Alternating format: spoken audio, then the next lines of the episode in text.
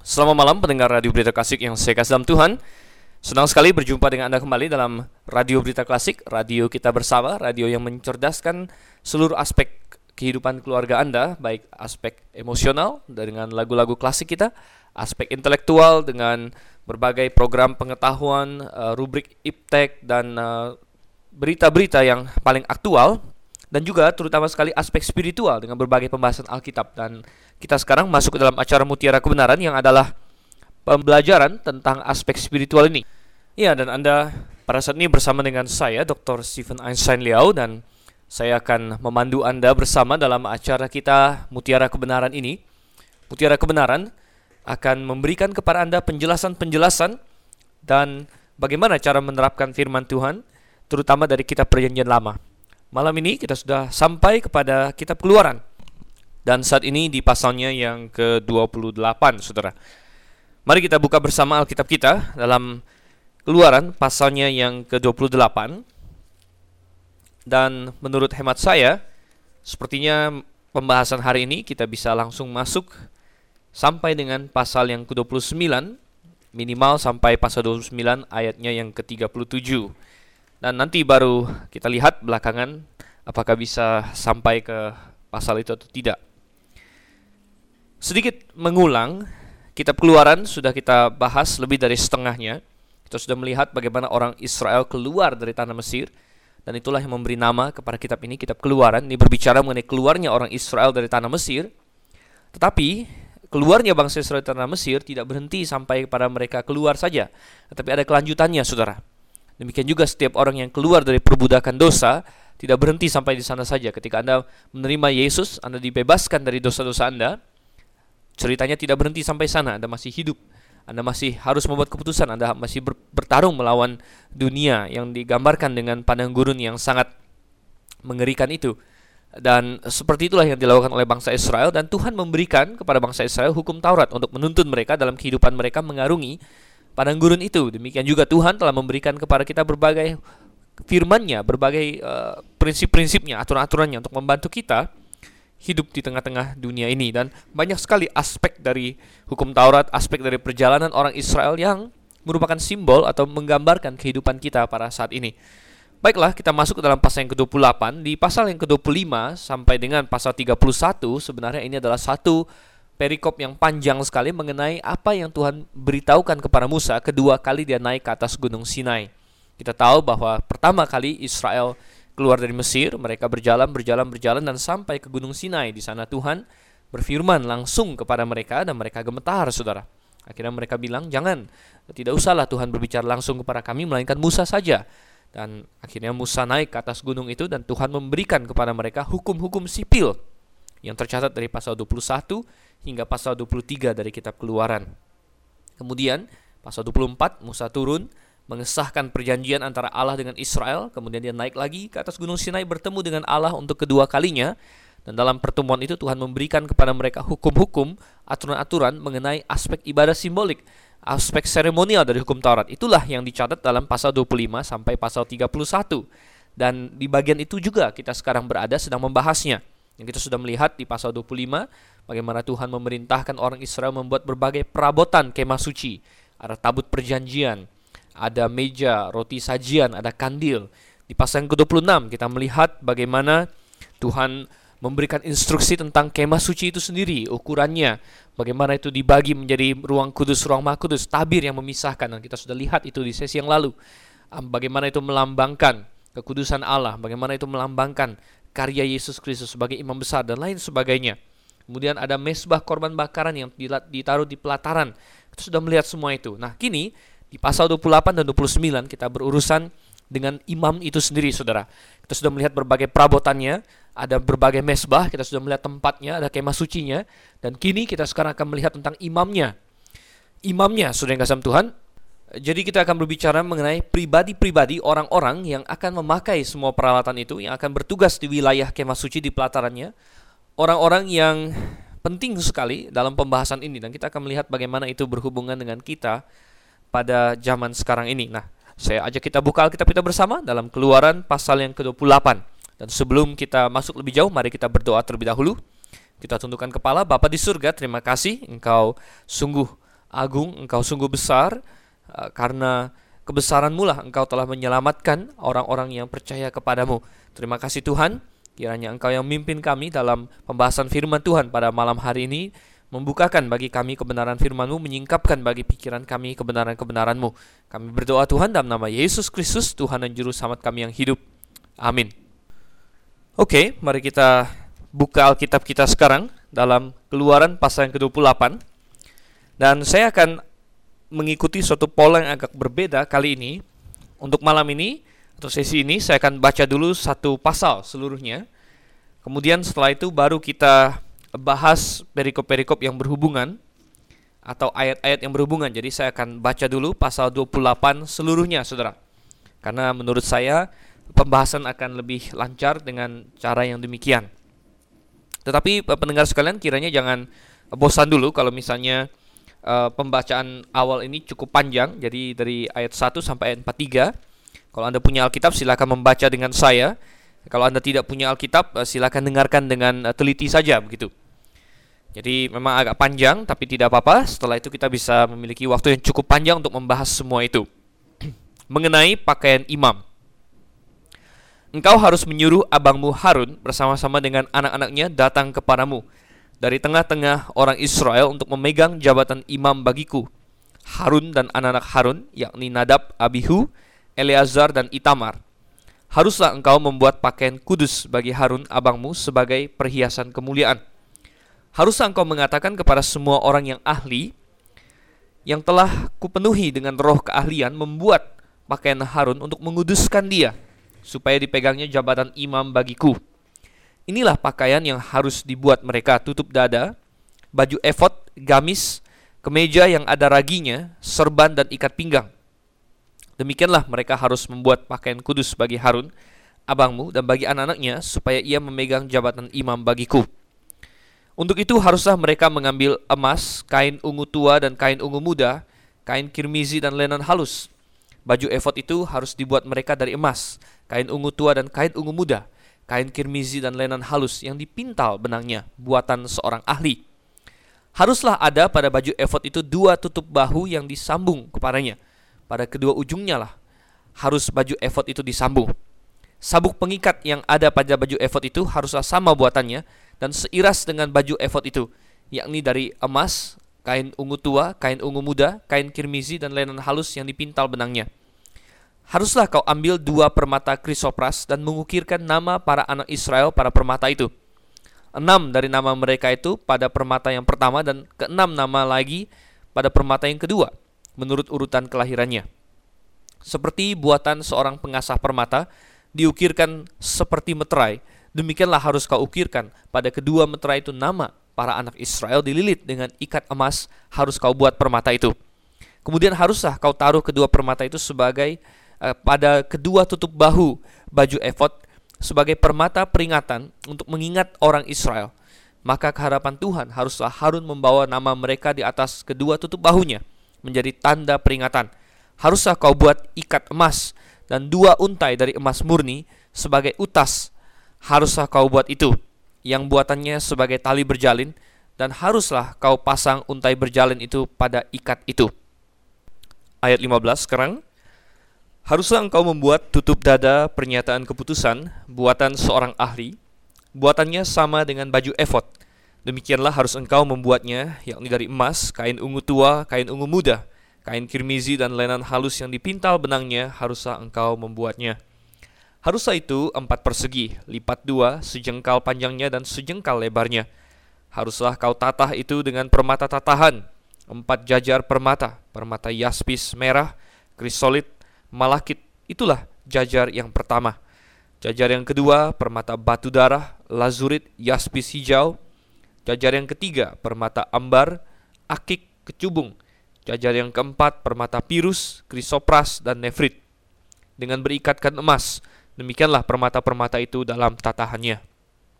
Sesuai dengan nama para anak Israel, permata itu haruslah 12 banyaknya, dan pada tiap-tiap permata haruslah ada diukirkan seperti meterai nama salah satu suku dari yang 12 itu.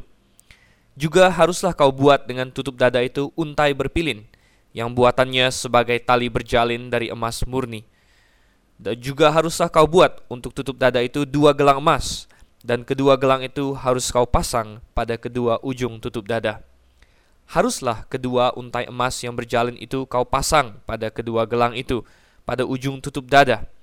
Kedua ujung lain dari kedua untai berjalan itu haruslah kau pasang pada kedua ikat emas itu. Demikianlah kau pasang pada tutup bahu baju efod di sebelah depannya haruslah engkau membuat dua gelang emas dan membubuhnya pada kedua ujung tutup dada itu, pada pinggirnya yang sebelah dalam yang berhadapan dengan baju efod. Juga haruslah engkau membuat dua gelang emas dan memasangnya pada kedua tutup bahu baju efod di sebelah bawah pada bagian depan dekat ke tempat persambungannya, di sebelah atas sabuk baju efod. Kemudian haruslah tutup dada itu dengan gelangnya diikatkan kepada gelang baju efod dengan memakai tali ungu tua sehingga tetap di atas sabuk baju efod dan tutup dada itu tidak dapat bergeser dari baju efod.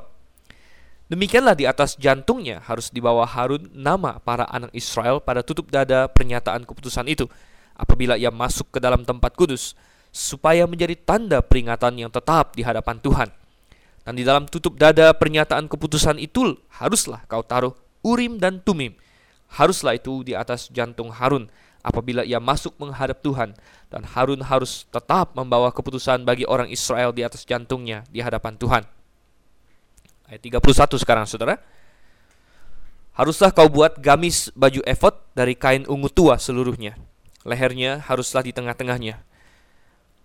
Lehernya itu harus mempunyai pinggir sekelilingnya buatan tukang tenun, seperti leher baju zirah haruslah lehernya itu supaya jangan koyak. Pada ujung gamis itu, haruslah kau buat buah delima dari kain ungu tua, kain ungu muda, dan kain kirmizi. Pada sekeliling ujung gamis itu dan di antaranya berselang-seling giring-giring emas, sehingga satu giring-giring emas dan satu buah delima selalu berselang-seling pada ujung gamis itu. Haruslah gamis itu dipakai Harun apabila ia menyelenggarakan kebaktian, dan bunyinya harus kedengaran apabila ia masuk ke dalam tempat kudus di hadapan Tuhan dan apabila ia keluar pula supaya ia jangan mati.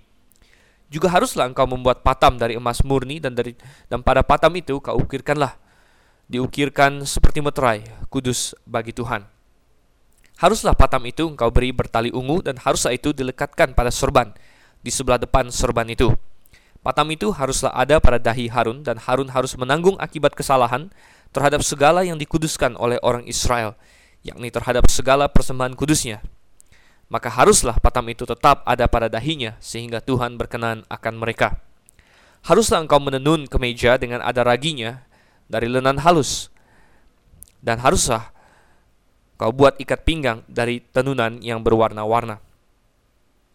Juga bagi anak Harun haruslah kau buat kemeja-kemeja dan haruslah kau buat ikat-ikat pinggang bagi mereka dan destar-destar haruslah kau buat bagi mereka untuk menjadi perhiasan kemuliaan maka semuanya itu haruslah kau kenakan kepada abangmu Harun bersama-sama dengan anak-anaknya. Kemudian engkau harus mengurapi, mentabiskan dan menguduskan mereka sehingga mereka dapat memegang jabatan imam bagiku. Buatlah celana-celana lenan bagi mereka untuk menutupi daging auratnya. Celana itu haruslah dari pinggang sampai paha panjangnya. Harun dan anak-anaknya haruslah memakainya apabila mereka masuk ke dalam kemah pertemuan dan apabila mereka datang ke mesbah untuk menyelenggarakan kebaktian di tempat kudus supaya mereka jangan membawa kesalahan dari dirinya kepada dirinya lalu mati. Itulah suatu ketetapan untuk selama-lamanya baginya dan bagi keturunannya. Demikianlah 43 ayat dalam Keluaran pasal 28. Nah, mungkin pendengar sekalian ketika membaca pasal ini merasa agak sedikit bingung, agak sedikit bosan atau mungkin uh, sedikit tidak melihat apa hubungannya semua ini dengan kehidupan kita sehari-hari pada saat ini. Tapi saudara yang kasih Tuhan, tidak ada satupun kata di dalam Alkitab, jangankan kata, tidak ada satu huruf pun dalam Alkitab yang ditulis dengan percuma. Oleh karena itu, ini juga penting bagi kita. Dan sudah yang kasih Tuhan, imam, apa itu imam ya? Pasal ini berbicara dengan sangat detail mengenai imam, bagaimana mereka harus berpakaian, bagaimana uh, bagaimana mereka harus bertindak dan terutama mengenai pakaian mereka. Imam ini sebenarnya adalah salah satu dari tiga jabatan yang penting dalam perjanjian lama. Ada tiga jabatan penting dalam perjanjian lama yaitu imam, raja, dan nabi. Orang yang dilantik ke dalam ketiga jabatan ini diurapi terlebih dahulu. Sehingga Mesias yang artinya yang diurapi atau sang diurapi adalah orang yang memegang ketiga jabatan ini. Yesus Kristus adalah imam sekaligus raja sekaligus nabi saudara. Dan karena tiga jabatan ini adalah tiga jabatan yang diurapi, maka Yesus adalah yang diurapi atau Mesias. Oleh karena itu heran sekali kalau ada hari ini hamba Tuhan yang berkata, saya adalah orang yang diurapi. Ya. Apa maksud dia? Ya, apakah dia ingin menyaingi Mesias? Apakah dia uh, memang dia imam, tapi apakah dia raja juga? Apakah dia nabi? Ya. Tetapi saudara yang kasih Tuhan, kita dapatkan di sini bahwa tentang imam ini, apa yang dia lakukan? Nabi adalah perwakilan Allah untuk menyampaikan firman-Nya kepada manusia. Raja adalah perwakilan Allah untuk menjalankan hukumnya atas manusia. Jadi baik raja maupun nabi mewakili Allah. Tetapi imam khas di sini, imam mewakili manusia menghadap kepada Allah. Semenjak manusia jatuh ke dalam dosa, tidak ada lagi akses langsung kepada Tuhan. Manusia tidak bisa seenaknya mau datang, mau berbicara dengan Tuhan dan langsung uh, Tuhan langsung datang kepada dia dengan begitu saja. Tidak bisa ada pembatas, ada jurang yang membatasi antara Allah dengan manusia. Dan dalam perjanjian lama Tuhan mengajarkan pembatasan ini sehingga manusia yang bisa kalau ingin datang kepada Tuhan dia harus melalui seorang pengantara ya. Dan dalam perjanjian lama pengantaranya adalah imam. Imam adalah mewakili manusia menghadap Tuhan. Dan bangsa Israel terutama mereka perlu memiliki imam-imam untuk mewakili mereka datang kepada Tuhan. Satu kali setahun ada perwakilan imam besar yang datang untuk mendamaikan umatnya di hadapan Tuhan. Ya, dia datang membawa korban, korban lembu yang telah dibunuh untuk mendamaikan dosa umatnya di hadapan Tuhan. Dan sudah yang Tuhan, kita melihat ini semua ada di dalam perjanjian lama ya tetapi kita sekarang berada dalam perjanjian baru ya dan di dalam perjanjian baru ini semua berubah saudara ya kalau di dalam perjanjian lama kita lihat di pasal 28 sini Harun telah ditunjuk di pasal 28 ayat 1 katanya. Yang memegang jabatan imam Harun dan anak-anak Harun, Nadab, Abihu, Eleazar, Itamar. Harun sebagai imam besar dan kemudian yang menjadi imam-imam adalah anak-anaknya. Nadab, Abihu, Eleazar dan Itamar. Dan nanti kalau Harun mati, maka akan digantikan oleh anaknya yang paling tua. Tetapi di dalam perjanjian baru, Saudara, tidak ada lagi susunan imam seperti ini, tidak ada lagi satu keluarga yang khusus menjadi imam. Tidak ada lagi orang-orang yang khusus menjadi imam, tetapi kalau kita baca dalam perjanjian baru, Yesus Kristus telah menjadi imam besar. Ini semua dirangkumkan dengan begitu indah dalam kitab Ibrani. Dan kalau Anda memperhatikan sesi-sesi mutiara kebenaran kita selama ini, ketika kita sudah masuk ke bagian pasal 20-an dari kitab keluaran, banyak sekali kita uh, melihat kitab Ibrani, saudara. Benar, karena kitab Ibrani membicarakan tentang peralihan dari hukum Taurat kepada kekristenan peralihan dari Yudaisme, hukum Taurat kepada hakikat di dalam Kristus. Oleh karena itu, banyak sekali kita melihat Ibrani untuk membandingkan uh, hukum Taurat dengan apa yang kita harapkan hari ini. Kalau kita baca Ibrani pasal 4 ayat yang ke-14 ya. Ibrani 4 ayat yang ke-14, karena kita sekarang mempunyai imam besar agung yang telah melintasi semua langit, yaitu Yesus anak Allah baiklah kita teguh berpegang pada pengakuan iman kita katanya. Sebab imam besar yang kita punya bukanlah imam besar yang tidak dapat turut merasakan kelemahan-kelemahan kita. Sebaliknya sama dengan kita dia telah dicobai hanya tidak berbuat dosa. Jelas sekali Yesus Kristus adalah imam besar di sini. Dia adalah imam imam adalah mewakili umatnya di hadapan Allah. Oleh karena itulah Yesus Kristus perlu turun menjadi manusia. Tadinya dia setara dengan Allah Bapa. Dalam Filipi 2 dikatakan tetapi dia tidak menganggap kesetaraan dengan Allah itu sebagai milik yang harus dipertahankan, melainkan ia mengosongkan dirinya dan mengambil rupa seorang hamba menjadi manusia. Ada orang yang bertanya, mengapa Yesus perlu menjadi manusia? Karena dia harus mewakili manusia di hadapan Allah. Dan tentu manusia tidak bisa diwakili dengan makhluk lain. Tidak bisa diwakili oleh malaikat, tidak bisa diwakili oleh binatang. Manusia harus diwakili oleh manusia. Tetapi apa daya, tidak ada seorang pun manusia yang tidak berdosa yang bisa datang menghadap Tuhan sebenarnya. Oleh karena itu harus Tuhan sendiri yang turun menjadi manusia yang akhirnya mewakili manusia itu yaitu pribadi Yesus Kristus. Dan jadi dikatakan di sini jelas sekali bahwa Yesus adalah imam besar kita, Saudara. Yesus imam besar. Dan siapakah imamnya kalau begitu? Harun imam besar. Imamnya adalah anak-anaknya. Yesus adalah imam besar. Siapa imam-imam? Yaitu anak-anak Yesus juga. Siapa anak-anak Yesus? Kita semua yang percaya kepadanya. Ini jelas di dalam satu Petrus pasalnya yang kedua. Saya ajak kita baca lagi. 1 Petrus pasal 2 ayat yang ke-9 dikatakan, "Tetapi kamulah bangsa yang terpilih, imamat yang rajani." Kamulah bangsa yang terpilih, imamat yang rajani dikatakan. Jadi Petrus berbicara kepada orang percaya bahwa mereka adalah imam sebenarnya. Karena mereka semua berada dalam Kristus. Dan Anda perlu tahu bahwa keimamatan Kristus sebenarnya berbeda dengan keimamatan Harun. Di mana Harun adalah imam tapi dia bukan nabi dan bukan raja. Tetapi keimamatan Yesus mengikuti jejak ke keimamatan Melkisedek. Melkisedek adalah seorang raja sekaligus seorang imam. Dan Yesus adalah raja dan imam dan bahkan nabi juga sehingga dia disebut sang Mesias, orang yang diurapi. Oleh karena itu kita yang berada di dalam Yesus yang telah percaya kepada Yesus, kita juga adalah imam-imam, Saudara. Kita adalah imam. Ya, benar dikatakan kita adalah uh, imamat yang rajani. Oleh karena itu, saudara yang kasih Tuhan sangat heran sekali bahwa hari ini masih banyak orang yang tidak tahu akan hal ini. Mereka berpikir bahwa pendetanya adalah imam. Tidak, mereka adalah imam. Tiap-tiap orang percaya adalah imam. Salah satu ciri khas dari gereja-gereja yang alkitabiah, gereja-gereja yang menjunjung tinggi Alkitab adalah eh, keimamatan setiap orang percaya. Bukanlah bahwa gembala sidang, pendeta, penatua itu imam, sedangkan rak, uh, jemaat biasa itu bukan imam. Bukan itu yang diajarkan Alkitab. Setiap orang percaya adalah imam dan Yesus adalah imam besarnya. Oleh karena itu, saudara yang Tuhan, kita melihat di sini jangan ada orang yang ingin mengimamkan orang percaya yang lain, ya. Atau jangan ada orang yang mencoba untuk um, menindas jemaat ya atau membuat jemaat berpikir seolah-olah mereka bukan imam dan mereka harus melakukan apa-apa lewat dia, saudara. Ini banyak terjadi, ya, banyak pendeta ya karena memang sifat manusia sangat cenderung untuk mengumpulkan kekuasaan dan kalau orang merasa kita penting itu adalah hal yang menyenangkan. Oleh karena itu banyak pendeta yang tidak mengajarkan hal ini kepada jemaatnya.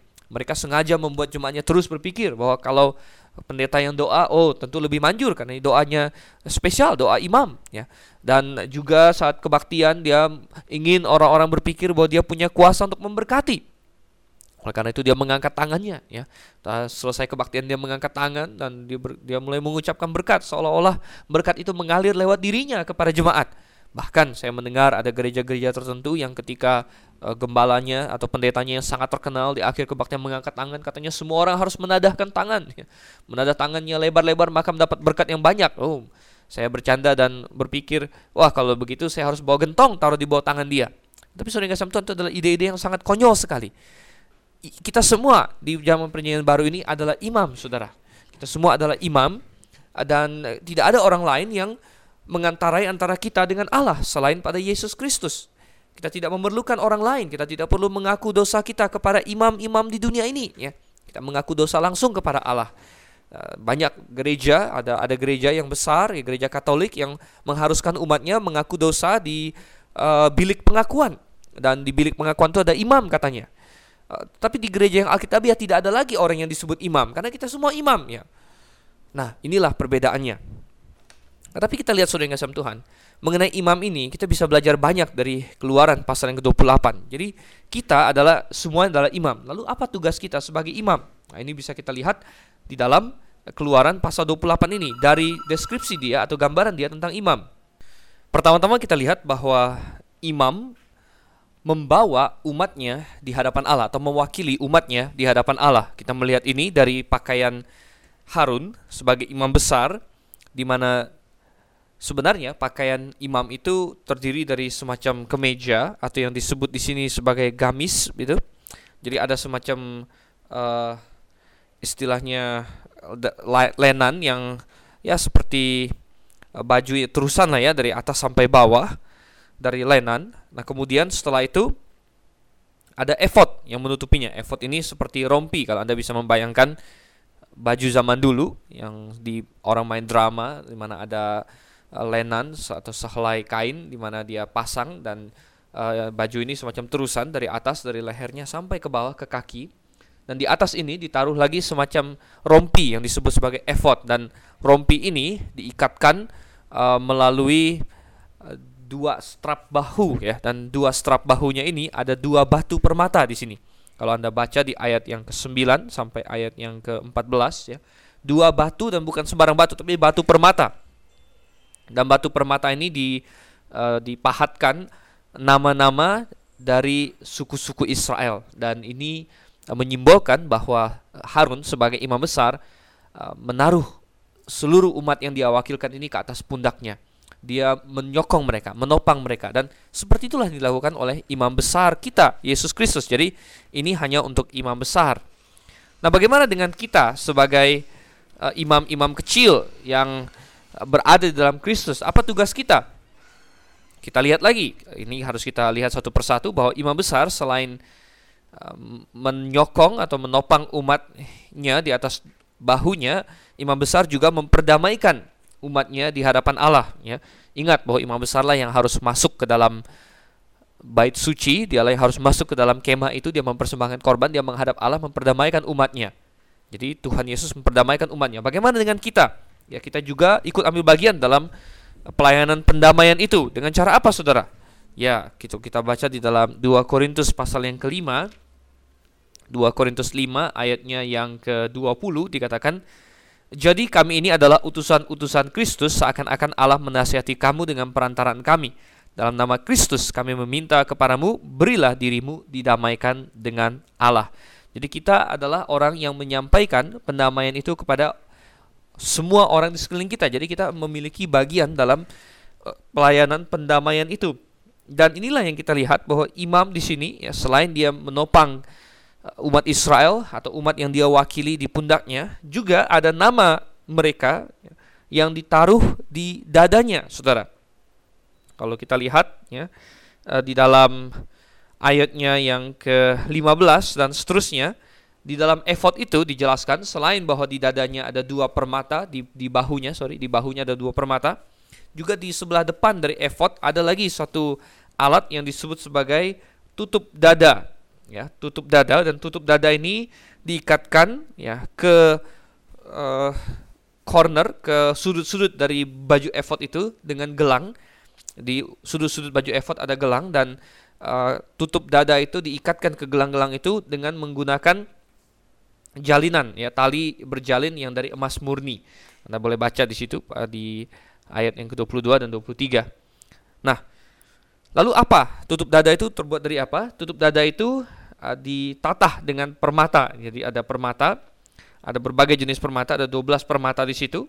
Dan 12 permata di situ melambangkan ayat 21 sesuai dengan nama para anak Israel. Permata itu haruslah 12 banyaknya. Dengan demikian, imam memiliki nama-nama orang yang dia wakili di hadapan Tuhan dekat dengan dadanya, dekat dengan jantungnya. Itulah yang dikatakan oleh uh, Alkitab juga di ayat yang ke-29.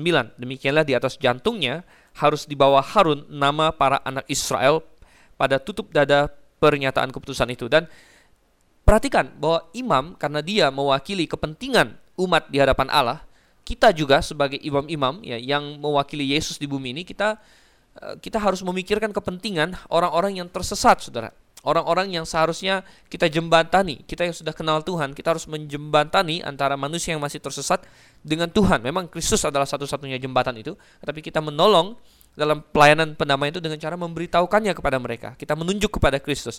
Kristuslah jalan satu-satunya. Bukan kita jalannya, tapi kita ikut membantu dengan cara memberitahu kepada mereka jalan itu. Yaitu pelayanan kita. Dan oleh karena itu kita ada tugas dalam pelayanan pendamaian ini. Seperti Paulus katakan kami adalah utusan-utusan Allah. Seolah-olah Allah dengan perantaran kami meminta kepadamu untuk memberi dirimu diperdamaikan dengan Allah. Kita harus memiliki eh, orang-orang uh, yang ada sekeliling kita itu. Kalau misalnya imam-imam di Israel siapa yang mereka layani? Adalah orang-orang Israel. Nah kita adalah imam juga. Siapa yang kita layani saudara? Kita bukan melayani orang percaya sama orang percaya adalah sesama iman imam, tetapi kita melayani orang-orang yang belum percaya. Kita memberitahukan kepada mereka tentang pendamaian dalam Yesus Kristus dan kita harus membawa mereka dekat dengan jantung kita. Ya, inilah. Jadi kita uh, senantiasa mendoakan mereka. Itulah sikap yang seharusnya dimiliki oleh setiap orang percaya. Kita harus melihat keluarga kita yang mungkin yang masih terhilang, teman-teman kita, teman sekerja kita, teman sekolah kita, eh, orang-orang yang dekat pada kita yang belum diselamatkan. Mereka seharusnya dekat dalam hati kita karena kita senantiasa bergumul untuk keselamatan mereka. Kita memikirkan bagaimana caranya kita bisa memasukkan Injil keselamatan kepada mereka. Hal-hal seperti ini lah yang pantas untuk kita uh, pikirkan ada dalam hati kita senantiasa. Dan perhatikan bahwa Tuhan menyuruh agar nama-nama Israel ditatah dalam permata. Ada banyak sekali permata yang disebut dan indah-indah semuanya. Ada permata yaspis, krisolit, lazurit ya. Tidak penting bagi kita uh, mengenai apa sebenarnya nama-nama permata itu, tapi yang penting adalah bahwa orang-orang Israel dianggap sangat berharga sehingga ditaruh sebagai permata di situ. Seharusnya juga orang-orang sekeliling kita yang dekat pada hati kita seharusnya yang selalu kita gumulkan agar mereka bisa kenal Tuhan, agar mereka bisa diperdamaikan dengan Tuhan, seharusnya mereka bagi kita adalah orang-orang yang berharga. Satu jiwa seharusnya sangat berharga bagi kita. Seberapa baikkah engkau menghargai satu jiwa, saudara? Apakah engkau uh, menaruhnya di atas harta? Apakah engkau menaruhnya di atas kesusahan sementara yang mungkin harus Anda lalui mungkin untuk bisa menyampaikan Injil kepadanya? Maukah Anda menganggap jiwa itu lebih penting daripada itu? Ya, itu adalah tugas dari imam. Kita ikut ambil bagian dalam pelayanan pendamaian Yesus Kristus. Bukan berarti kita ikut mendamaikan, tidak hanya Yesus yang mampu, dia tidak bisa dibantu siapa-siapa, tetapi kita setelah dia menyelesaikan segala-galanya, kita memberitahukannya kepada orang-orang lain. Nah, sekarang kita lihat ada tugas selanjutnya lagi dari imam, yaitu di ayat yang ke-30. Selain ada permata-permata yang ditatahkan di dalam tutup dada itu, dada tutup dada itu disebut juga tutup dada pernyataan keputusan. Dan di situ ada dua benda yang namanya urim dan tumim. Urim dan tumim ini apa saudara? Nah banyak sekali orang yang penasaran dengan apa yang disebut urim dan tumim di tempat ini. Urim dan tumim ini adalah sesuatu yang misterius dan Tuhan memang sengaja tidak memberitahu kita terlalu banyak tentang urim dan tumim ini. Kalau Tuhan memberitahu kita banyak sekali tentang urim dan tumim, mungkin ada orang-orang gila yang akan mencoba membuatnya dan mencoba melakukannya padahal hari ini sudah tidak berlaku lagi. Oleh karena itu Tuhan tidak sengaja untuk tidak uh, memberitahukan kita secara spesifik seperti apa bentuknya, uh, warnanya apa, besarnya apa. Tuhan tidak memberitahu itu. Tapi yang jelas dari Alkitab kita tahu bahwa Urim dan Tumim adalah alat bagi orang Israel untuk mengetahui kehendak Tuhan pada saat itu. Dan Urim dan Tumim ini ada di tutup dada pernyataan keputusan yang ada di imam besar dan imam besar yang sedang menjabat pada zaman itu, kalau misalnya ada suatu pertanyaan kebangsaan yang harus dijawab, misalnya uh, apakah bangsa Israel boleh pergi berperang karena musuh sudah menunggu, ya, maka uh, mereka akan menanya keputusan Tuhan dan imam yang memegang urim dan tumim akan berdoa dan dia akan mencabut dan dia akan uh, menyatakan, misalnya kalau urim maka jawabannya adalah ini, kalau tumim jawabannya adalah ini. Dan Urim dan Tumim sebenarnya pernah dipakai dalam Alkitab sejarahnya ada uh, dalam kasus Saul dan Yonatan. Anda boleh baca sendiri di rumah, kita tidak punya waktu. Anda boleh baca di dalam uh, kisahnya di 1 Samuel, Saudara. 1 Samuel pasalnya yang ke-28. Uh, sorry, 1 Samuel pasal yang ke-14. Ya, 1 Samuel pasal 14 di situ Saul ingin tahu uh, kutuk dan murka Tuhan yang menimpa Israel waktu itu karena kesalahan siapa dan dia ingin tahu apakah antara apakah kesalahan umat ataukah kesalahan keluarga Saul dan dia memakai urim tumim di situ. Kalau urim eh, kalau urim artinya kesalahannya katanya kesalahannya pada keluarganya dan kalau tumim maka kesalahannya berada pada Israel dan ya, kira-kira seperti itulah pemakaian urim dan tumim. Tetapi hari ini tentu kita tidak lagi memakai urim dan tumim untuk mengetahui kehendak Tuhan. Oleh karena itu Tuhan tidak memberitahu kita cara membuat urim dan tumim. Nah, karena Tuhan tidak ingin kita melakukan itu. Hari ini kita tahu keputusan Tuhan, kehendak Tuhan melalui membaca firman-Nya. Nah, mereka waktu itu tidak punya Alkitab seperti kita. Uh, mereka harus bergantung kepada cara-cara lain, tapi hari ini kita punya Alkitab. Memang Alkitab tidak memberitahu kita uh, satu langkah demi satu langkah, tapi Alkitab memberikan kepada kita prinsip. Alkitab tidak memberitahu kita siapa yang harus kita nikahi, tapi Alkitab memberi kita prinsip bahwa kita menikahi orang yang percaya, orang yang seiman, uh, orang yang kuat di dalam Tuhan yang sudah diselamatkan dan lain sebagainya. Alkitab tidak memberitahu kita kita harus bekerja apa, tapi Alkitab memberi kita prinsip. Nah, seperti inilah yang Tuhan harapkan. Dan imam waktu itu memegang urim dan tumim, artinya dia menanyakan keputusan Allah bagi umat sekelilingnya. Dia memberitahu kehendak Allah kepada orang-orang sekelilingnya. Sebenarnya tugas kita juga mencakup hal ini. Kita sebagai orang-orang yang sudah percaya kepada Tuhan, orang-orang yang sudah diselamatkan, kita punya tugas untuk memberitahukan kehendak Tuhan kepada orang-orang sekeliling kita. Bukan dengan urim dan tumim lagi, tapi berdasarkan Alkitab. Kita perlu memberitahu kepada mereka bahwa mereka perlu diselamatkan, bahwa adalah kehendak Tuhan, bahwa mereka diselamatkan, bahwa mereka percaya. Ya, itu adalah kehendak Tuhan dan kita perlu menyatakannya. Jadi seperti imam menyatakan kehendak Tuhan kepada Israel, kita sebagai imam, imam-imam yang sudah ada dalam Yesus Kristus juga menyatakan kehendak Tuhan bagi orang-orang sekeliling kita. Ya, jadi menarik sekali pembelajaran kita mengenai imam ini. Kita bisa belajar banyak. Satu hal lagi yang cukup menarik mengenai imam adalah bahwa dikatakan mereka kudus bagi Tuhan. Di dalam uh, pasal 28 ini ada beberapa kali kata kudus dipakai, mulai dari ayat 2 bahwa pakaian yang dipakai imam adalah pakaian yang kudus.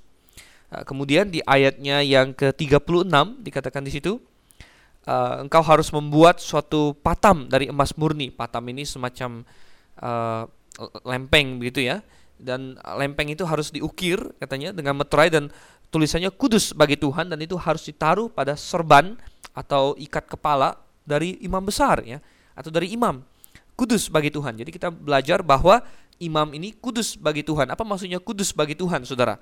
Ah, kadang-kadang Alkitab memakai kata kudus tidak seperti yang kita anggap. Oh, kudus itu maksudnya suci, artinya tidak berdosa. Ya benar, itu itu juga benar, tapi kata kudus sebenarnya memiliki pengertian dasar terpisah bagi Tuhan. Jadi ada pakaian yang kudus bagi Tuhan. Maksudnya apa? Bukan pakaian itu nggak bernoda, bukan pakaian itu nggak berdebu, apalagi pakaian itu nggak berdosa karena pakaian memang tidak berdosa. Tapi maksudnya pakaian yang kudus bagi Tuhan, kita jangan mulai masuk ke paham-paham mistikisme, saudara. Seperti gereja-gereja yang wah ini kudus lah, itu kudus lah, tanah yang kudus katanya, wah gereja yang kudus dan lain sebagainya, perjamuan yang kudus. Ini semua hal yang salah. Seolah-olah kata kudus itu jadi wah jadi ada suatu power, ada suatu kalau saya makan perjamuan kudus, maka saya jadi kudus, saya jadi uh, tambah IQ saya terhindar dari kutuk. Ini adalah dukunisme, saudara. Uh, ini perdukunan Kristen. Tidak, ya kata kudus dalam Alkitab memiliki pengertian terpisah bagi Tuhan. Sesuatu yang dipisahkan bagi Tuhan itu sudah dikuduskan bagi Tuhan. Misalnya ada uang yang dipersembahkan kepada Tuhan, dikhususkan bagi Tuhan. Kalau Anda punya 100 ribu misalnya, Anda mengkhususkan 10 ribu untuk Tuhan, Eh, sepuluh ribu itu mungkin tadinya Anda dapat dari toko, toko itu mungkin tadinya dapat dari seorang uh, pelacur yang beli barang, ya mungkin pelacur itu pernah dapat dari seorang pembunuh, uh, pembunuh itu pernah dapat dari seorang pencuri, tidak masalah. Tapi ketika Anda uh, menyisihkan uang itu dan membuatnya khusus untuk Tuhan, maka itu menjadi uang yang dikuduskan bagi Tuhan. Jadi kata kudus memiliki pengertian terpisah bagi Tuhan. Demikianlah imam-imam mereka terpisah bagi Tuhan. Artinya mereka sudah dikhususkan bagi Tuhan. Hidup mereka adalah bagi Tuhan. Dan ini adalah suatu gambaran yang indah sekali mengenai orang percaya di zaman sekarang ini. Kita adalah orang-orang yang kudus bagi Tuhan. Kudus ya karena kita sudah dikuduskan melalui darah Yesus. Memang dosa-dosa kita sudah diambilnya, jadi kita kudus dalam pengertian suci, tak berdosa juga, ya. Bukan karena kita memang karakternya tidak berdosa, tapi karena dosa kita sudah ditanggung. Tapi kita juga kudus dalam pengertian terpisah bagi Tuhan. Dan kita terpisah dari dunia ini. Kita beda dengan dunia ini. Di mana dalam Roma 12 ayatnya yang kedua dikatakan di situ uh, Roma 12 ayat yang kedua saya bacakan untuk Anda. Janganlah kamu menjadi serupa dengan dunia ini katanya, tetapi berubahlah oleh pembaharuan budimu sehingga kamu dapat membedakan manakah kehendak Allah, apa yang baik, yang berkenan kepada Allah dan yang sempurna. Janganlah kita menjadi serupa dengan dunia ini. Alkitab penuh dengan suatu peringatan-peringatan, ajakan-ajakan, perintah-perintah agar kita berbeda dari dunia. Dalam Yakobus 4 ayat 4, Yakobus menghardik para pembacanya dan berkata, "Jangan uh, tidak tahukah kamu bahwa persahabatan dengan dunia adalah permusuhan dengan Allah?" Dalam 1 Yohanes 2 ayat 10 dan seterusnya sampai dengan ayat 15 ya, ayat 15, 16, 17 di situ dikatakan bahwa uh, kasih akan dunia ya. Itu adalah hal yang buruk ya, bahwa dunia dengan segala isinya sedang Eh, pergi bahwa apa yang ada dalam dunia ini menyesatkan manusia. Kita harus terpisah dari dunia ini. Apa saja? Dalam hal apa saja kita terpisah dari dunia ini? Oh, dalam segala hal, saudara. Eh, dalam hal cara kita hidup, cara kita berbicara, kita harus berbeda. Cara kita bahkan hal-hal yang sepele, cara kita berpakaian sekalipun, saudara. Oh, mungkin ada yang bilang masa berpakaian juga? Ya, bahkan khusus untuk imam ada pakaiannya sendiri. Anda mungkin heran bahwa sebenarnya Allah cukup peduli dengan masalah fashion. Ada orang yang berkata, ah saya pakai apa Tuhan tidak peduli. Kan? Oh tidak, Tuhan peduli. Uh, ada banyak orang yang salah kaprah. Mereka bilang masa saya tidak bisa diselamatkan kalau saya pakai baju seperti ini. Bukan masalah keselamatan, saudara. Orang bisa diselamatkan walaupun dia pakai baju apa pun juga. Tetapi sesudah dia diselamatkan, Tuhan ingin dia bertumbuh dan ikut hukum-hukumnya Tuhan. Ikut hukum-hukum Tuhan berarti menolak pakaian-pakaian dunia yang tidak senonoh, yang Tuhan benci. Ketika Adam dan Hawa jatuh ke dalam dosa, mereka telanjang, saudara. Dan telanjang itu adalah suatu lambang dari dosa. Sebelum mereka jatuh dalam dosa, mereka bahkan tidak tahu tentang telanjang. Tetapi setelah jatuh dalam dosa, mereka telanjang. Mereka tahu akan hal itu. Itu lambang dosa. Dan mereka langsung mencoba untuk menutupi ketelanjangan mereka dengan daun pohon ara. Tetapi itu tidak cukup, saudara. Anda bisa bayangkan. Anda bisa melihat uh, suku-suku primitif yang mencoba menutupi ketelanjang mereka dengan dengan daun lah. Sangat tidak cukup dan sangat masih uh, masih tidak senonoh sekali. Tetapi akhirnya Tuhan datang dan memberikan kepada Adam dan Hawa pakaian yang Tuhan buat sendiri dari kulit binatang. Ada yang harus mati, ada binatang yang Tuhan bunuh untuk kulitnya dipakai sebagai pakaian bagi Adam dan Hawa. Ini menunjukkan ada yang mati untuk menutupi dosa mereka. Tetapi sejak awal Tuhan telah ingin Adam dan Hawa berpakaian dengan sopan, dengan rapi dan uh, pakaian yang dari daun yang tidak cukup menutupi itu tidak cukup bagi Tuhan. Dan menarik sekali Tuhan tercatat dua kali dalam Alkitab memberikan kepada manusia pakaian, saudara. Dua kali Allah memberikan pakaian. Satu kali Adam dan Hawa Tuhan beri pakaian dan yang kedua adalah imam di sini. Tuhan bahkan memberikan instruksi mengenai bagaimana pakaian imam. Dan menurut hemat saya seharusnya ini menjadi suatu pola teladan yang luar biasa. Bagaimanakah uh, fashion orang Kristen, saudara? Apakah harus sesuai dengan dunia ini? Apakah kita ikut uh, Giorgio Armani? Apakah kita ikut uh, fashionnya uh, Britney Spears? Apakah kita ikut fashion dunia ini? Tidak, saudara. Uh, orang Kristen harus terpisah dari dunia ini. Kita khusus, kita kudus bagi Tuhan. Uh, dan khusus mengenai pakaian, luar biasa sekali kalau kita baca di dalam Keluaran di dalam uh, pasal 28 ini ayat 42 dan seterusnya mengenai celana-celana imam katanya harus menutupi daging auratnya dari pinggang sampai paha panjangnya. Jadi harus cukup menutupi ketelanjangan ya. Dan cukup menutupi ketelanjangan ini dari aurat harus ditutup ya sampai kepada paha dan lain sebagainya. Jadi uh, Tuhan tidak ingin sesuatu yang uh, tidak senonoh. Mengapa Saudara? Uh, karena itu menimbulkan dosa, itu menimbulkan hawa nafsu dalam hati orang lain. Uh, kalaupun Anda ini berpakaian seperti itu, apakah Anda laki-laki terutama perempuan, kalau Anda berpakaian tidak benar, ya, Anda menjadi batu sandungan bagi orang lain. Ada orang lain yang uh, bisa berdosa dalam hatinya karena Anda. Tuhan tidak ingin hal seperti itu. Nah, tapi banyak orang Kristen hari ini bahkan pergi ke gereja pun ya dengan uh, rok yang sangat pendek sekali. Saya katakan bahwa Tuhan ingin paha Anda tertutup ya. Kalau paha Anda tertutup seperti yang dikatakan dalam Keluaran 28 ayat 42 ini dikatakan sampai menutupi aurat dan sampai pahanya. Jadi pahanya ditutup Saudara.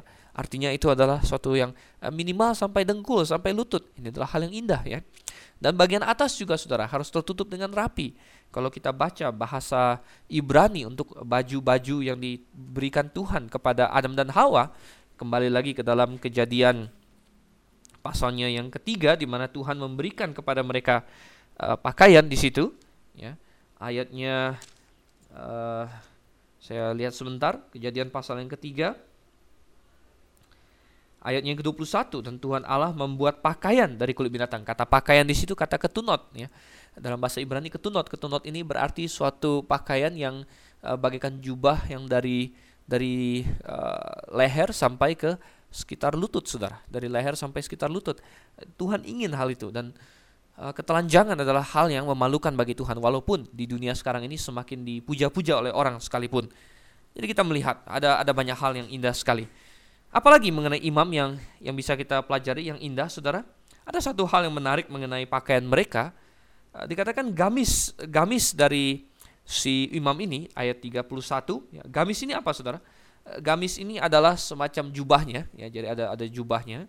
Dan e, gamis ini di ujung gamis itu di dekat kaki dari imam Anda bisa membayangkan pakaian imam ya ada baju dalamnya yang ada celana-celana lain sebagainya kemudian ada jubah luarnya ya Nah, jubah luar ini adalah gamis, kemudian ada di atas jubah ini yang dari atas sampai bawah ada efod yang bagaikan rompi ya.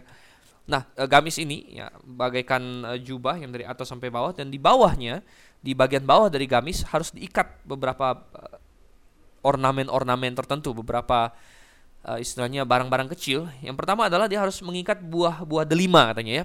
Ada buah delima dan ada giring-giring emas. Giring ini semacam lonceng ya yang menimbulkan suara. Bahkan mereka harus berjalan saat berjalan ini harus kedengaran katanya supaya dia tidak mati. Ada buah dan ada lonceng ya. Apa apa lambang ini Saudara? Uh, artinya buah di sini buah delima ya Buah delima adalah melambangkan buah, saudara. Jadi dalam hidup orang Kristen, sebagai seorang imam di dalam Yesus Kristus, dia harus berbuah dalam hidupnya. Dia harus membuahkan karakter yang baik, dia harus membuahkan hidup yang bersinar bagi Tuhan. Dan dia harus seperti lonceng. Dia harus kedengaran oleh orang, saudara. Dia harus memberitakan tentang Yesus. Dari mulutnya orang mendengar tentang Yesus. Dia bagaikan lonceng yang berbunyi. Tetapi kedua hal ini harus ada dan harus berselang-seling. Kalau kita baca di sini, uh, buah delima, kemudian lonceng, buah delima, lonceng, berselang-seling. Artinya kita tidak bisa hanya ngomong-ngomong tentang Yesus tapi hidup kita sama sekali parah. Maka kesaksian kita akan uh, tidak sama sekali efektif. Malah kita bisa membuat nama Tuhan dihujat. Ya kalau kita uh, mencuri, membunuh, uh, melakukan kejahatan bagi manusia yang lain, tetapi kita ngomong tentang Yesus, ngomong tentang Yesus, maka tidak ada orang yang mau percaya pada Yesus dengan cara seperti itu. Harus ada buah. Tetapi kalau hidup kita baik dan sebagainya dan kita tidak pernah membuka mulut bersaksi itu juga hal yang buruk saudara. Oleh karena itu harus ada kedua-duanya. Nah, sekarang saya ajak kita masuk ke dalam pasal yang ke-29 di sini. Ya, pasal yang ke-29. Waktu kita tidak banyak jadi saya akan uh, bacakan saja dan pasal 29 adalah mengenai pentabisan Harun dan anak-anaknya. Ya. Dan saya akan baca ayat 1 sampai ayat yang ke-37 saja. Ayat 1 sampai ayat yang ke-37. Saya bacakan, harap uh, saudara sekalian mendengarkan. Inilah yang harus kau lakukan kepada mereka untuk menguduskan mereka supaya mereka memegang jabatan imam bagiku, ambillah seekor lembu jantan muda dan dua ekor domba jantan yang tidak bercelah, roti yang tidak beragi dan roti bundar yang tidak beragi yang diolah dengan minyak dan roti tipis yang tidak beragi yang diolesi dengan minyak. Dari tepung gandum yang terbaik haruslah kau buat semuanya itu. Kau taruhlah semuanya dalam sebuah bakul dan kau persembahkanlah semuanya dalam bakul itu. Demikian juga lembu jantan dan kedua domba jantan itu. Lalu kau suruhlah Harun dan anak-anaknya datang ke pintu kemah pertemuan dan haruslah engkau membasuh mereka dengan air. Kemudian kau ambillah pakaian itu, lalu kau kenakanlah kepada Harun kemeja, gamis baju efod dan baju efod serta tutup dada Kau kebatkanlah sabuk baju efod kepadanya. Kau taruhlah serban di kepalanya dan jamang yang kudus kau bubuh pada serban itu. Sesudah itu kau ambillah minyak urapan dan kau tuang ke atas kepalanya dan kau urapilah dia. Kau suruhlah anak-anaknya mendekat dan kau kenakanlah kemeja-kemeja itu kepada mereka. Kau ikatkanlah ikat pinggang kepada mereka, kepada Harun dan anak-anaknya, dan kau lilitkanlah destar itu kepala kepada kepala mereka. Maka merekalah yang akan memegang jabatan imam. Itulah suatu ketetapan untuk selama-lamanya. Nah, demikianlah engkau harus mentabiskan Harun dan anak-anaknya. Kemudian haruslah kau bawa lembu jantan itu ke depan kemah pertemuan, lalu haruslah Harun dan anak-anaknya meletakkan tangannya ke atas kepala lembu jantan itu. Haruslah kau sembelih lembu jantan itu di hadapan Tuhan di depan pintu kemah pertemuan. Haruslah kau ambil sedikit dari darah lembu jantan itu dan kau bubuh dengan jarimu pada tanduk-tanduk mesbah dan segala darah selebihnya haruslah kau curahkan pada bagian bawah mesbah. Kemudian kau ambillah segala lemak yang menutupi isi perut umbai hati, kedua buah pinggang dan segala lemak yang melekat padanya dan kau bakarlah di atas mesbah. Tetapi daging lembu jantan itu, kulitnya dan kotorannya haruslah kau bakar habis dengan api di luar perkemahan. Itulah korban penghapus dosa. Ayat 15 Saudara. Kemudian haruslah kau ambil domba jantan yang satu, lalu haruslah Harun dan anak-anaknya meletakkan tangannya ke atas kepala domba jantan itu. Haruslah kau sembelih domba jantan itu dan kau ambillah darahnya dan kau siramkan pada mesbah sekelilingnya. Haruslah kau potong-potong domba jantan itu menurut bagian-bagian tertentu, kau basuhlah isi perutnya dan betis-betisnya dan kau taruh itu di atas potongan-potongannya dan di atas kepalanya. Kemudian haruslah kau bakar seluruh domba jantan itu di atas mesbah. Itulah korban bakaran, suatu persembahan yang harum bagi Tuhan yakni suatu korban api-apian bagi Tuhan. Ayat 19. Kemudian haruslah kau ambil domba jantan yang lain, lalu haruslah Harun dan anak-anaknya meletakkan tangannya ke atas kepala domba jantan itu. Haruslah kau sembelih domba jantan itu, kau ambillah sedikit dari darahnya, dan kau bubuh pada cuping telinga kanan Harun dan pada cuping telinga kanan anak-anaknya, pada ibu jari tangan kanan dan pada ibu jari kaki kanan mereka, dan darah selebihnya kau siramkanlah pada mesbah sekelilingnya. Haruslah kau ambil sedikit dari darah yang ada di atas mesbah dan dari minyak urapan itu dan kau percikanlah kepada Harun dan kepada pakaiannya dan juga kepada anak-anaknya dan pada pakaian anak-anaknya. Maka ia akan kudus, ia dan pakaiannya dan juga anak-anaknya dan pakaian anak-anaknya. Dari domba jantan itu haruslah kau ambil lemaknya, ekornya yang berlemak, lemak yang menutupi isi perutnya, umbai hatinya, kedua buah pinggangnya, lemak yang melekat padanya, paha kanannya. Sebab itulah domba jantan persembahan pentahbisan. Kau ambillah juga satu keping roti, satu roti bundar yang berminyak dan satu roti tipis dari dalam bakul berisi roti yang tidak beragi yang ada di hadapan Tuhan. Haruslah kau taruh seluruhnya ke atas telapak tangan Harun dan ke atas telapak tangan anak-anaknya dan haruslah kau persembahkan semuanya sebagai persembahan unjukan di hadapan Tuhan. Kemudian haruslah kau ambil semuanya dari tangan mereka dan kau bakar di atas mesbah, yaitu di atas korban bakaran sebagai persembahan yang harum di hadapan Tuhan. Itulah suatu korban api-apian bagi Tuhan. Selanjutnya haruslah kau ambil dada dari domba jantan yang adalah bagi pentabisan Harun dan kau persembahkan sebagai persembahan unjukan di hadapan Tuhan. Dan itulah bagian untukmu. Demikianlah harus kau kuduskan dada persembahan unjukan dan paha persembahan khusus yang dipersembahkan dari domba jantan yang adalah bagi pentabisan Harun dan anak-anaknya. itulah yang menjadi bagian untuk Harun dan anak-anaknya menurut ketetapan yang berlaku untuk selama-lamanya bagi orang Israel. Sebab inilah suatu persembahan khusus, maka haruslah itu menjadi persembahan khusus dari pihak orang Israel yang diambil dari korban keselamatan mereka dan menjadi persembahan khusus mereka bagi Tuhan. Ayat 29. Pakaian khusus, pakaian kudus kepunyaan Harun itu haruslah turun kepada anak-anaknya yang kemudian, supaya mereka memakainya apabila mereka diurapi dan ditabiskan. Tujuh hari lamanya haruslah pakaian itu dikenakan oleh imam penggantinya dari antara anak-anaknya yang akan masuk ke dalam kemah pertemuan untuk menyelenggarakan kebaktian di tempat kudus. Domba jantan persembahan pentabisan itu haruslah kau ambil dan dagingnya kau masak pada suatu tempat yang kudus. Haruslah Harun dan anak-anaknya memakan daging domba jantan itu serta roti yang ada di dalam bakul di depan pintu kemah pertemuan. Haruslah mereka memakan semuanya itu yang dipakai untuk mengadakan pendamaian pada waktu mereka ditabiskan dan dikuduskan. Tetapi orang awam janganlah memakannya, sebab persembahan kudus semuanya itu. Jika ada yang tinggal dari daging persembahan pentabisan dan dari roti itu sampai pagi, haruslah kau bakar habis yang tinggal itu dengan api. Janganlah dimakan, sebab persembahan kudus semuanya itu. Maka haruslah kau perbuat demikian kepada Harun dan kepada anak-anaknya, tepat seperti yang kuperintahkan kepadamu. Selama tujuh hari haruslah kau tabiskan mereka. Tiap-tiap hari haruslah engkau mengolah seekor lembu jantan menjadi korban penghapus dosa untuk mengadakan pendamaian dan haruslah kau sucikan mesbah itu dengan mengadakan pendamaian baginya. Haruslah engkau mengurapinya untuk menguduskannya. Tujuh hari lamanya haruslah engkau mengadakan pendamaian bagi mesbah itu. Haruslah engkau menguduskannya, maka mesbah itu akan menjadi kudus. Setiap orang yang kena kepada mesbah itu akan menjadi kudus. Saudara yang kasih dalam Tuhan, ya anda yang mendengar pasal 29 ini, mungkin ada yang sebagian bertanya-tanya, apa yang bisa kita tarik dari sini? Ini sepertinya penuh dengan berbagai eh, ibadah simbolik ya, ibadah seremonial zaman dulu, persembahan, bahkan ini berbicara mengenai pentabisan Harun dan anak-anaknya sebagai imam nanti. Bagaimana itu harus dilakukan, persembahan-persembahan yang harus dilakukan, uh, bagaimana mereka harus diurapi, dibasuh, lain sebagainya ada lembu yang disembeli tiap hari, ada dua ekor domba, ada berbagai roti yang harus diberikan. Apa maksud semua ini? Ya, memang bagi kita semua itu tidak perlu dilakukan lagi. Tetapi satu hal yang ingin saja kita lihat. Rupanya setelah di pasal 28 berbicara mengenai imam harus punya pakaian seperti ini, harus bertingkah laku seperti ini, imam itu kudus bagi Tuhan, itu belum cukup. Belum cukup hanya sekedar ngomong imam harus begini, harus begitu. Harus ada orang yang benar-benar menjadi imam. Dan itulah di pasal 29 ada orang yang harus ditabiskan sebagai imam.